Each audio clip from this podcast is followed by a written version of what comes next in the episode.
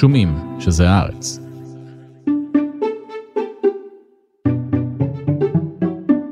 השבוע עמד ראש ממשלת בריטניה, בוריס ג'ונסון, בפני הצבעת אי אמון. המנהיג הלא שגרתי הסתבך במה שמכונה פארטי גייט, שורה של מסיבות רוויות אלכוהול, בהן הוא נכח במהלך סגר הקורונה בבריטניה. ג'ונסון שרד את ההצבעה בעיקר משום שהוא עומד בראש מפלגה שלא נוהגת להדיח מנהיג מכהן. הקודים השמרניים הם עתיקי יומין והם אלו שהביאו את המפלגה להחזיק בשלטון שנים ארוכות. המאה הקודמת אף כונתה בבריטניה המאה של השמרנים, הם היו בשלטון בשני שלישים מהזמן. היי, אני עמנואל אלבאס פלפס, ואתם מאזינים ומאזינות לחוץ לארץ, פודקאסט חדשות החוץ של הארץ. בפרק הזה אנחנו מנסים להבין איך הפכה המפלגה השמרנית למפלגה הוותיקה ביותר בעולם, כיצד היא עיצבה את בריטניה, ולמה גם בעוד 50 שנה חבריה כנראה יחזיקו בהגה של אחת המדינות החשובות בעולם. שלום לאנשיל פפר, כתב פרשן בהארץ. שלום עמנואל. טוב, אז ג'ונסון אה, שרד. לעת עתה. כלומר, מה אתה צופה?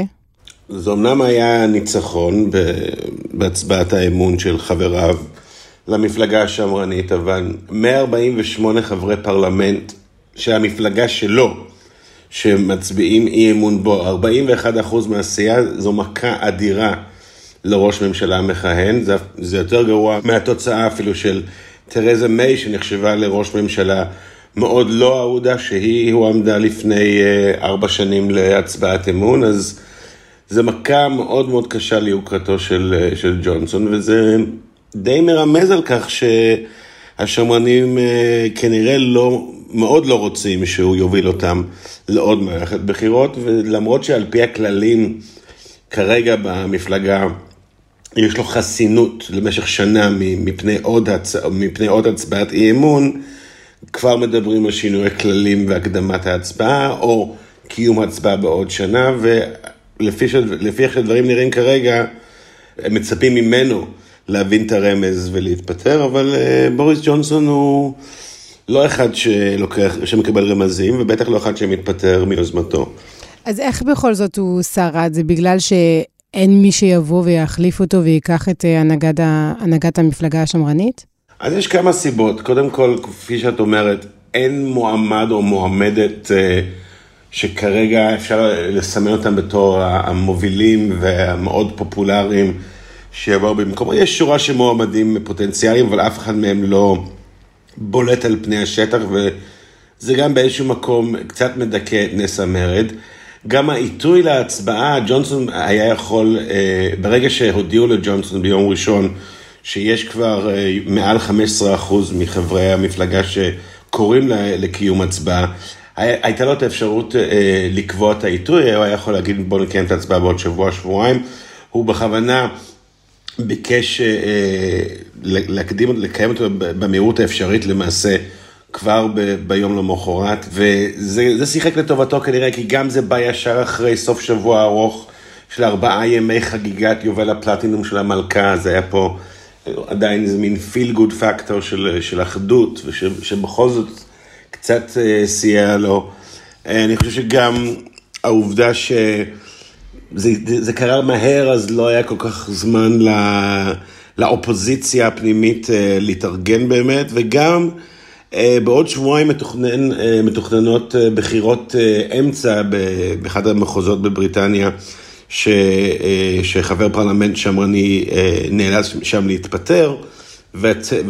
והסקרים אה, מראים שהמפלגה שם, גם, גם, לא רק שהיא תאבד את המושב אה, בווייקפילד, היא גם תחטוף אה, באמת איזו תוצאה איומה ונוראית, וזה מן הסתם היה גורם לעוד כמה חברי פרלמנט להרהר האם באמת הם רוצים להמשיך לתמוך בג'ונסון.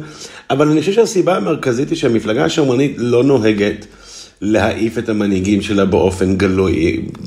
גם המנהיגים כשהיו בשפל של פופולריות, שעמדו מול, מול בחירות כאלה בעבר, ניצחו, המפלגה הזאת בעצם מאז 1846 לא הדיחה ראש ממשלה מכהן משורותיה, משורותיה והנוהג הוא שגם אם הם מאוד לא מרוצים, בדרך כלל נמצא הרוב שייתן לראש הממשלה להמשיך עוד כמה חודשים ולבחור את העיתוי היותר מכובד מבחינתו לפרוש, אבל כמו שאמרתי קודם, לא נראה לי שג'ונסון יקבל את הרמז. ולמה הם לא מדיחים באופן מסורתי את המנהיג שלהם גם כשהם מאוד לא מרוצים? כי זה לא יפה, כי זה יכול לגרום לזעזוע, כי יש חשש שזה יפגע בחוזק המפלגה בקרב אה, הציבור? מכל הסיבות שמנית, אבל אני חושב שבעיקר כי לשמרנים יש מסורת מאוד ארוכה, צריך לזכור זאת, המפלגה הפוליטית הכי עתיקה בעולם. היא אה, באופן רשמי השמרנים קיימים אה, מאמצע המאה ה-19, אבל בעצם הם גלגול של מפלגת הטורי שכבר קיימת מהמאה ה-17, זאת שוב המפלגה הפוליטית הכי הכי עתיקה בעולם. ו...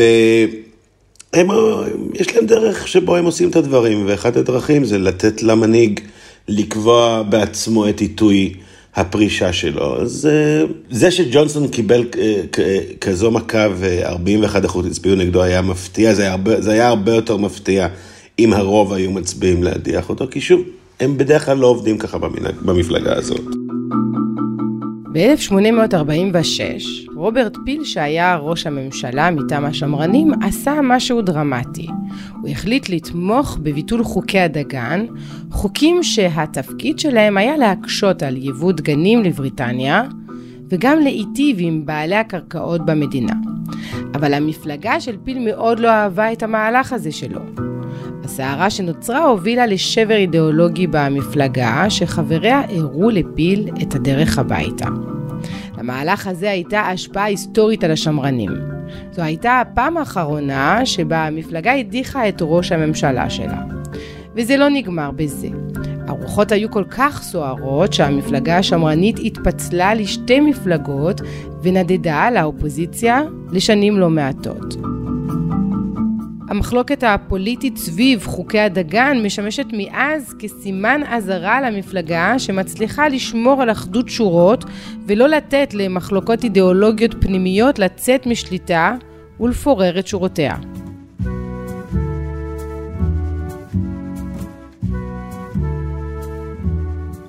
קצת יותר על ג'ונסון ועל מה שהביאו אותו למצב הזה היום. רק לפני שנתיים, במאי 2020, אה, שיא הקורונה, אחוזי התמיכה שלו בקרב הציבור הבריטי, 66 אחוזים, זה גבוה. וכמובן שבשבועות האחרונים, הפארטיגייט, החגיגות שהיו בתקופת אה, חג המולד, בזמן סגרים בבריטניה, בתוך בניין הפרלמנט, והתמונות שהתפרצמו של ג'ונסון והצוותים שלו, זה מה שמזעזע גם את הציבור וגם את המפלגה, אבל לא רק, נכון? יש גם בעיה של יוקר מחיה. יש גם בעיה של יוקר מחיה לאחרונה, הפארטיגייט זה ללא ספק השערורייה הגדולה ש... פגע בתדמיתו, זה פגע באיזשהו מקום בעצב מאוד רגיש אצל הבריטים. יש המון דברים שמוכנים לסלוח עליהם, אבל זה שראש ממשלה קובע כללים שנוגעים לכל הציבור, ראש הממשלה והשרים שלו קבעו את הכללים של הסגר והבריטים בסך הכל היו מאוד ממושמעים בתקופת הקורונה. זה שהוא בעצמו מפר את הכללים האלה, זו הייתה פגיעה מאוד מאוד קשה. אה, וציינת את זה שבמאי 20 הוא היה בסוג של שיא. בכלל, הייתה תקופה שג'ונסון נראה בלתי מנוצח. מהבחירות בסוף 2019, שהוא ניצח אותם בפער מאוד גדול והנחיל ללייבור, למפלגת האופוזיציה המרכזית, את התבוסה הגדולה ביותר שלהם מאז שנות ה-30. היה, ואז אחרי זה, והוא הבטיח הרי לקיים את הברקזיט, לפרוש ישר מהאיחוד האירופי, והוא עמד בהבטחה שלו, אז גם, גם הפרישה, גם זה שבחודש, ש, שברוב תקופת הקורונה הוא נתפס כמי שפועל בצורה, היו כל מיני חריקות, אצל מי לא היו חריקות בנושאים האלה, אבל בסך הכל הציבור הבריטי היה די מרוצה. וגם הוא בעצמו הרי חלה בקורונה די בהתחלה, ואפילו נזקק ל, לטיפול בחמצן, והיו כל מיני שמועות שהוא במצב קשה, זה גם מוסיף לאהדה שלו. אבל באיזשהו מקום גם, גם נגמר המומנטום, היה לו מומנטום מאוד חזק בזכות הברקזיט, בזכות ההצלחה הגדולה בבחירות, אבל צריך לזכור שהדברים שבזכותם היה, היה, היה לו את ההישג הזה בבחירות בסוף 2019, זה שני דברים שהיו שכבר אינם. אחד ההבטחה על הברקזיט זאת הבטחה שכבר קוימה. אז נכון, מקבלים קרדיט על קיום הבטחות, אבל למעשה זה משהו שברגע שהוא, שהוא נעשה, אין עוד דרך לשחזר את זה, אתה לא עושה עוד ברקזיט, אז הוא כבר קיים את הברקזיט. ואולי הכי חשוב, צריך לזכור שהסיבה שג'ונסון ניצח בבחירות בצורה כל כך גורפת, אה, קשור מאוד לא בג'ונסון, אלא דווקא באדם ש, שעמד מולו, וזה היה ג'רמי קורבין, ראש מפלגת הלייבור אז, שכנראה אחד הפוליטיקאים הכי פחות אהודים בהיסטוריה הבריטית, בוודאי פוליטיקאי שעמד בראש מפלגה ושהיה מועמד לראש ממשלה, בכל היסטוריות הסקרים לא היה בן אדם בשפל אה, כל כך עמוק של פופולריות כמו ג'רמי קורבין. אז באיזשהו מקום, גם אם היו, עושים, גם אם היו שמים אה, אה, ארגז קרטון שיעמוד מול ג'רמי קורבין, הוא היה מנצח בגדול. אז קורבין כבר לא שמה, ללייבור יש מנהיג חדש, לא, אולי לא אדם מאוד כריזמטי, קיר סטארמר, אבל נחשב בסך הכל לפוליטיקאי אמין ועם רקורד של, של אדם שעשה דברים בחיים שלו. אה, די קרוב למרכז המפה הפוליטית, אז מישהו שבהחלט יכול להיתפס כמועמד ראוי לראש ממשלה, בניגוד לקורבין. ולכן באמת המומנטום כבר, כבר היה בדיחה עוד לפני פארטיגייט, ראו את זה בסקרים, הפער בין השמרנים ללייבור התחיל כבר להיסגר, אבל הפארטיגייט, הפארטיגייט באמת הייתה מכת, כמעט מכת מוות, ומאז אנחנו כבר רואים בסקרים באופן קבוע יתרון של 6-7 אחוזים ללייבור, ושוב, צריך לזכור, לייבור בא באיזה מינוס 20 מהבחירות, אז יש פה לא רק סגירת פער, אלא באמת גם סגירת פער וגם אה, עיקוף מאוד משמעותי של הלייבור, את השמרנים. ובגלל שחברי הפרלמנט, אה, חלק גדול מחברי הפרלמנט השמרנים הם חדשים, הם נכנסו בזכות הניצחון הגדול ב-2019, הם גם מודעים לכך שכמו שהם נכנסו ב... בתנופה גדולה, ככה הם יכולים כל אחד מהם גם לאבד את מחוז הבחירה, והרבה מהם מייצגים מחוזות בחירה שבעבר הצביעו ללייבור, ועברו לראשונה ב-2019 לידי השמרנים, ולכן הסיכוי שהם יישארו בידי השמרנים הוא לא גדול, ולכן הם מאוד חוששים שמי שיוביל אותם לבחירות הבאות יהיה מישהו שכבר הוכתם ונתפס עכשיו כראש ממשלה שאין לו תקנה. ולכן הדאגה הגדולה של להחליף את המנהיג לפני הבחירות הבאות. Mr. Speaker, I want to apologise. I know that millions of people across this country have made extraordinary sacrifices over the last 18 months. I know the anguish that they have been through, unable to mourn their relatives, unable to live their lives as they want, or to do the things they love. And I know the rage they feel with me and with the government I lead when they think that in Downing Street itself the rules are not being properly followed by the people who make the rules. וג'ונסון, גם כשהוא הגיע להנהגת, ה... להנהגת מפלגת השמרנים ב-2019, הוא לא היה קונצנזוס, זאת דמות שהבריטים מכירים היטב כבר הרבה מאוד שנים, הוא כמובן היה ראש עיריית לונדון, דמות מאוד צבעונית, הוא מעולם לא היה קונצנזוס גם בתוך המפלגה השמרנית, למרות אה, שהוא אה, ככה הגיע לתפקיד. יש כמה זרמים בתוך המפלגה עצמה. אנחנו יכולים לנסות להבין איך היא מפולגת מבפנים גם כשהיא שומרת על אחדות? אז קודם כל צריך להגיד על ג'ונסון שהוא לא שייך לאף אחד מהפלגים. ג'ונסון שייך לפלג ג'ונסון, הוא לא... אה, באופן היסטורי הוא, הוא החליף את הדעות שלו כמו גרביים, אפילו לפני אה, משאל העם על הברקזיט, הוא, הוא לא, עד הדקה ה-90 שהוא היה צריך לבוא ולהגיד האם הוא תומך בהישארות במפ... אה, בתוך האיחוד האירופי, ולכן הוא גם תומך, היה צריך לתמוך בדייוויד קמרון, שאז היה ראש הממשלה, או שהוא תומך בקמפיין ליציאה, וזה היה סוג של אמירה שהוא גם רואה את עצמו כמתמודד מול קמרון. עד, עד אה, לערב לפני ההודעה, הוא לא החליט, הוא לא החליט מה, מה מתאים לו יותר, ואפילו כתב שני מאמרים מאוד, אה, אה, מאוד מפורטים, מאוד אה, בסגנון המאוד ציורי שלו. אחד, מאמר סוחף בעד הישארות באיחוד האירופי, והשני מאמר נוקב נגד האיחוד ובעד היפרדות, כי עד הרגע האחרון הוא לא החליט מה טוב בשביל בוריס ג'ונסון. מה שטוב בבריטניה פחות אכפת לו.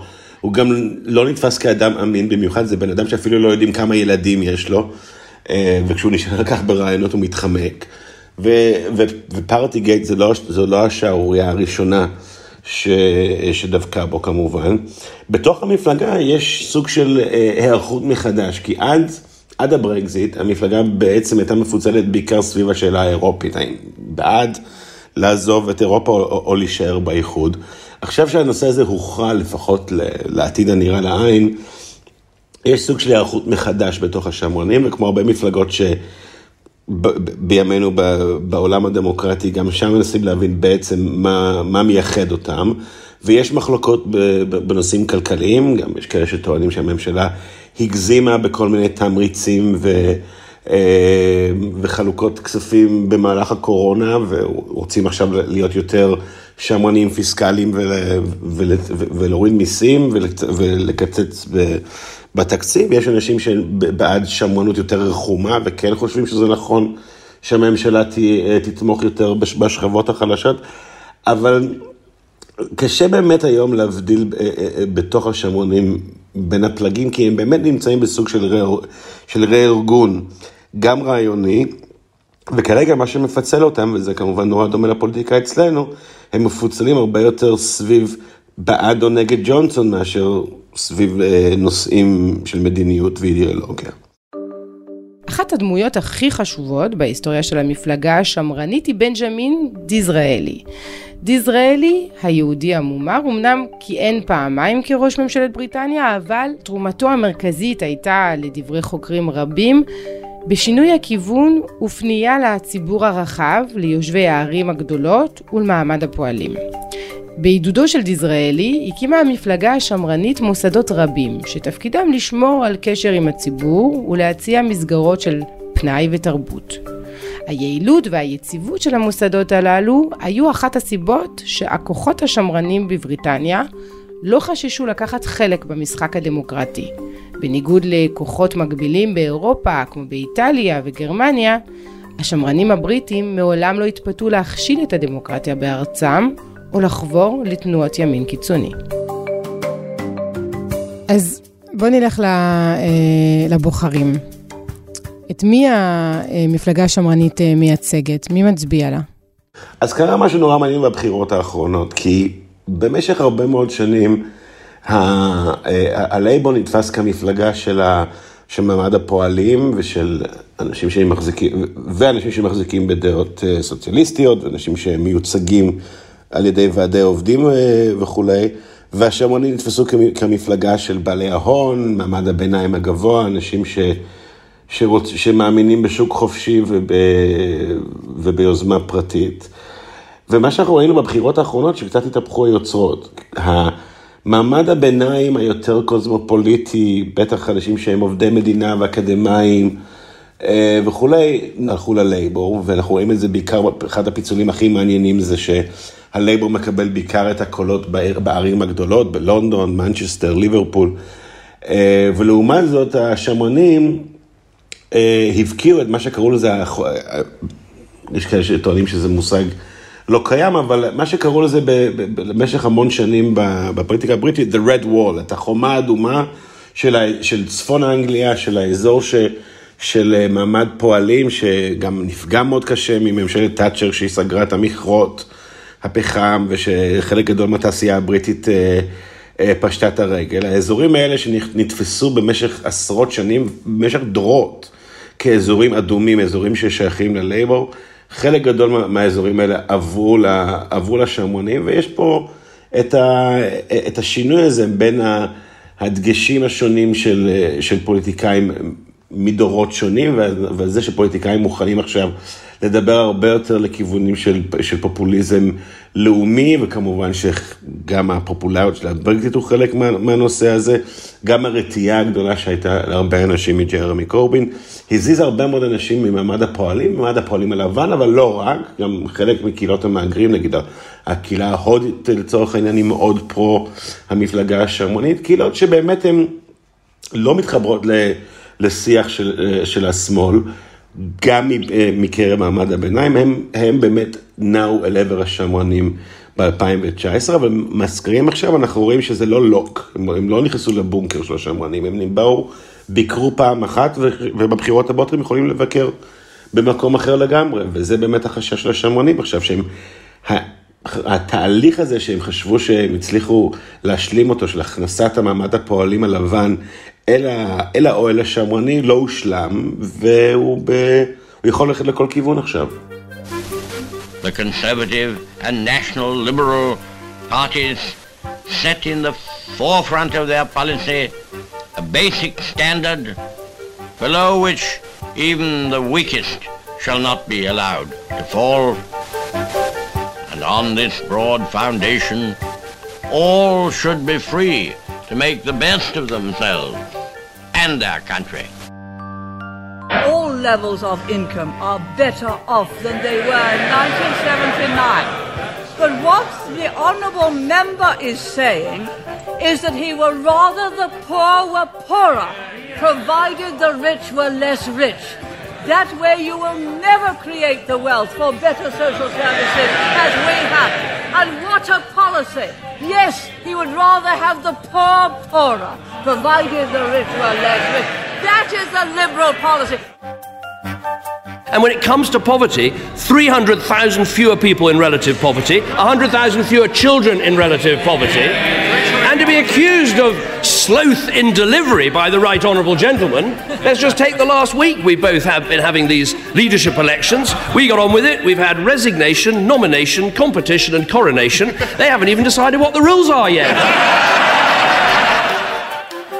אז אנשי למפלגה שלטה מרבית מהמאה ה-20 בבריטניה וגם חלקים מהמאה ה-21. איך היא עיצבה את המדינה כפי שאנחנו מכירים אותה היום? המפלגה השמרנית שולטת, אה, מושלת בבריטניה את רוב, את רוב הגדול של המאה השנים האחרונות, כי למעשה, היא למעשה מפלגה הרבה יותר, אומנם קוראים להם שמרנים, אבל הם הרבה יותר פרגמ, פרגמטיים ממה שזה, ממה שזה נתפס. זו מפלגה שיודעת לבנות את עצמה מחדש ל, ל, לעידן חדש. אז אם המפלגה הזאת חשבה שבזכות אה, הובלתו של, של, של, של, של צ'רצ'יל במלחמת העולם השנייה, הבריטים אה, אה, יזכרו אותם תמיד לטובה וימשיכו להצביע בשבילם, הם קיבלו את המכה שלהם ב-1945, שאטלי והלייבור עלו לשלטון מיד בסיום מלחמת העולם השנייה. אבל עם השנים הם, הם, הם בנו עצמם זהות חדשה, ואנחנו ראינו את זה בסוף שנות ה-70, שתאצ'ר עלתה לשלטון, לא בזכות איזושהי קריאה שמרנית, איזו התרפקות על, על העבר המפואר, אלא במשימה לבניית בריטניה מחדש, להוציא את בריטניה לאיזשהו... אה, יכולות אה, כלכליות חדשות וטכנולוגיה, וכמובן ההצמדה של תאצ'ר למדיניות של ארה"ב, העיצוב הזה של בריטניה ככבר לא מעצמה, אבל סוג של מיני מעצמה, שמדינה שעדיין אה, יש לה משקל אה, גדול יותר מה, מה, מהמשקל האמיתי שלו בכלכלה ובעוצמה צבאית, זה משהו שתאצ'ר באמת הצליחה להניע, וזה זה, זה היה תהליך מאוד כואב של היפרדות מהתעשיות המסורתיות. מה, מכל הקהילות הקטנות שהתבססו על מפעל או על מכרה אזורי, ושינוי מוחלט של המבנה הכלכלי והחברתי. וכמובן שעד היום הרבה אנשים לא שוכחים את זה לתאצ'ר, אבל זה, זה לא ספק, זה עיצב את בריטניה מחדש. ואומרים שהצלחה בפוליטיקה זה לא רק שאתה משנה את המפלגה שלך, אלא שאתה גם משנה את המפלגה היריבה. וכשטוני בלר אה, עלה לשלטון בשנות ה-90, כשבעצם הביא לסיומו של 18 שנים רצופות של שליטה של השמרנים, למעשה הוא עשה את זה בזה שהוא הפך את מפלגת הלייבור לסוג של שמרן, שמרנים אה, רכים, או שמרנים שטיפה נוטים למרכז המפלגה הפוליטית, הוא היה צריך לשנות המון דברים בחוקת המפל... הלייבור, להוציא משם את כל הנושא של הלאמת אה, תעשיות ו... וחיבור הדוק בין הלייבור לבין האיגודים המקצועיים, לבין העבודה המאורגנת. בעצם בלר הפך את לייבור בתקופתו למפלגת מרכז, שלמעשה קיבלה אה, ולא שאפה לשנות את, הירושה התאצ'ריסטית. ו, ובאיזשהו, וצריך לזכור, תאצ'ר לא הייתה אנטי אירופה, תאצ'ר ברוב הקריירה שלה הייתה תומכת נלהבת בזה שבריטניה תהיה חלק מהאיחוד האירופי. ופה אנחנו רואים עוד אה, שינוי במפלגה השמרנית, שהיא מתאימה את עצמה למציאות יותר פופוליסטית ולאומנית אה, של, של המאה ה-21.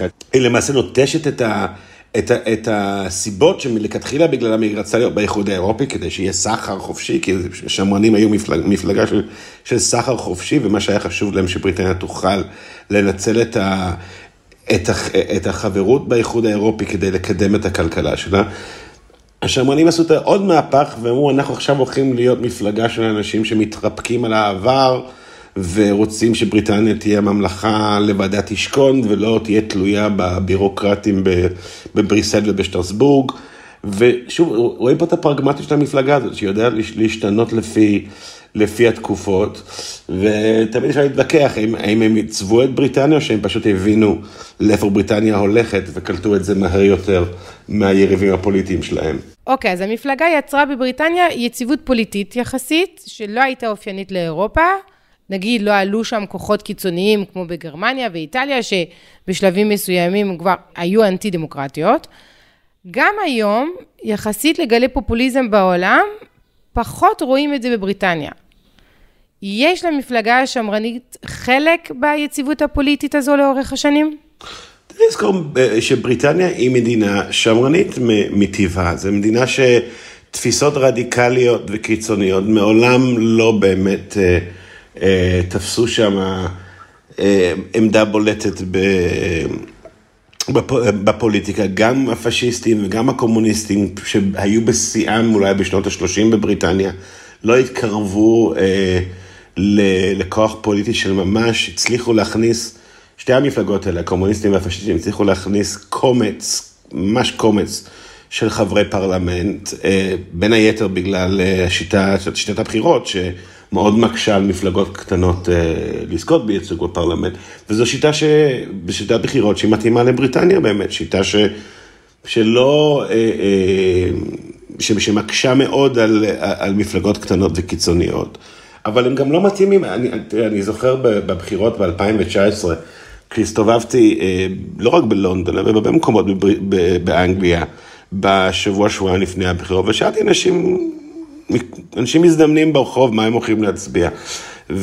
והלכתי דווקא לאזורים שהיסטורית הצביעו ללייבור. ואנשים היו, אמרו לי על קורבין, הוא יותר מדי רדיקלי. וזו הביקורת המרכזית, אנשים לא אוהבים בבריטניה פוליטיקאים שהם יותר מדי הולכים לאחת הקיצוניות.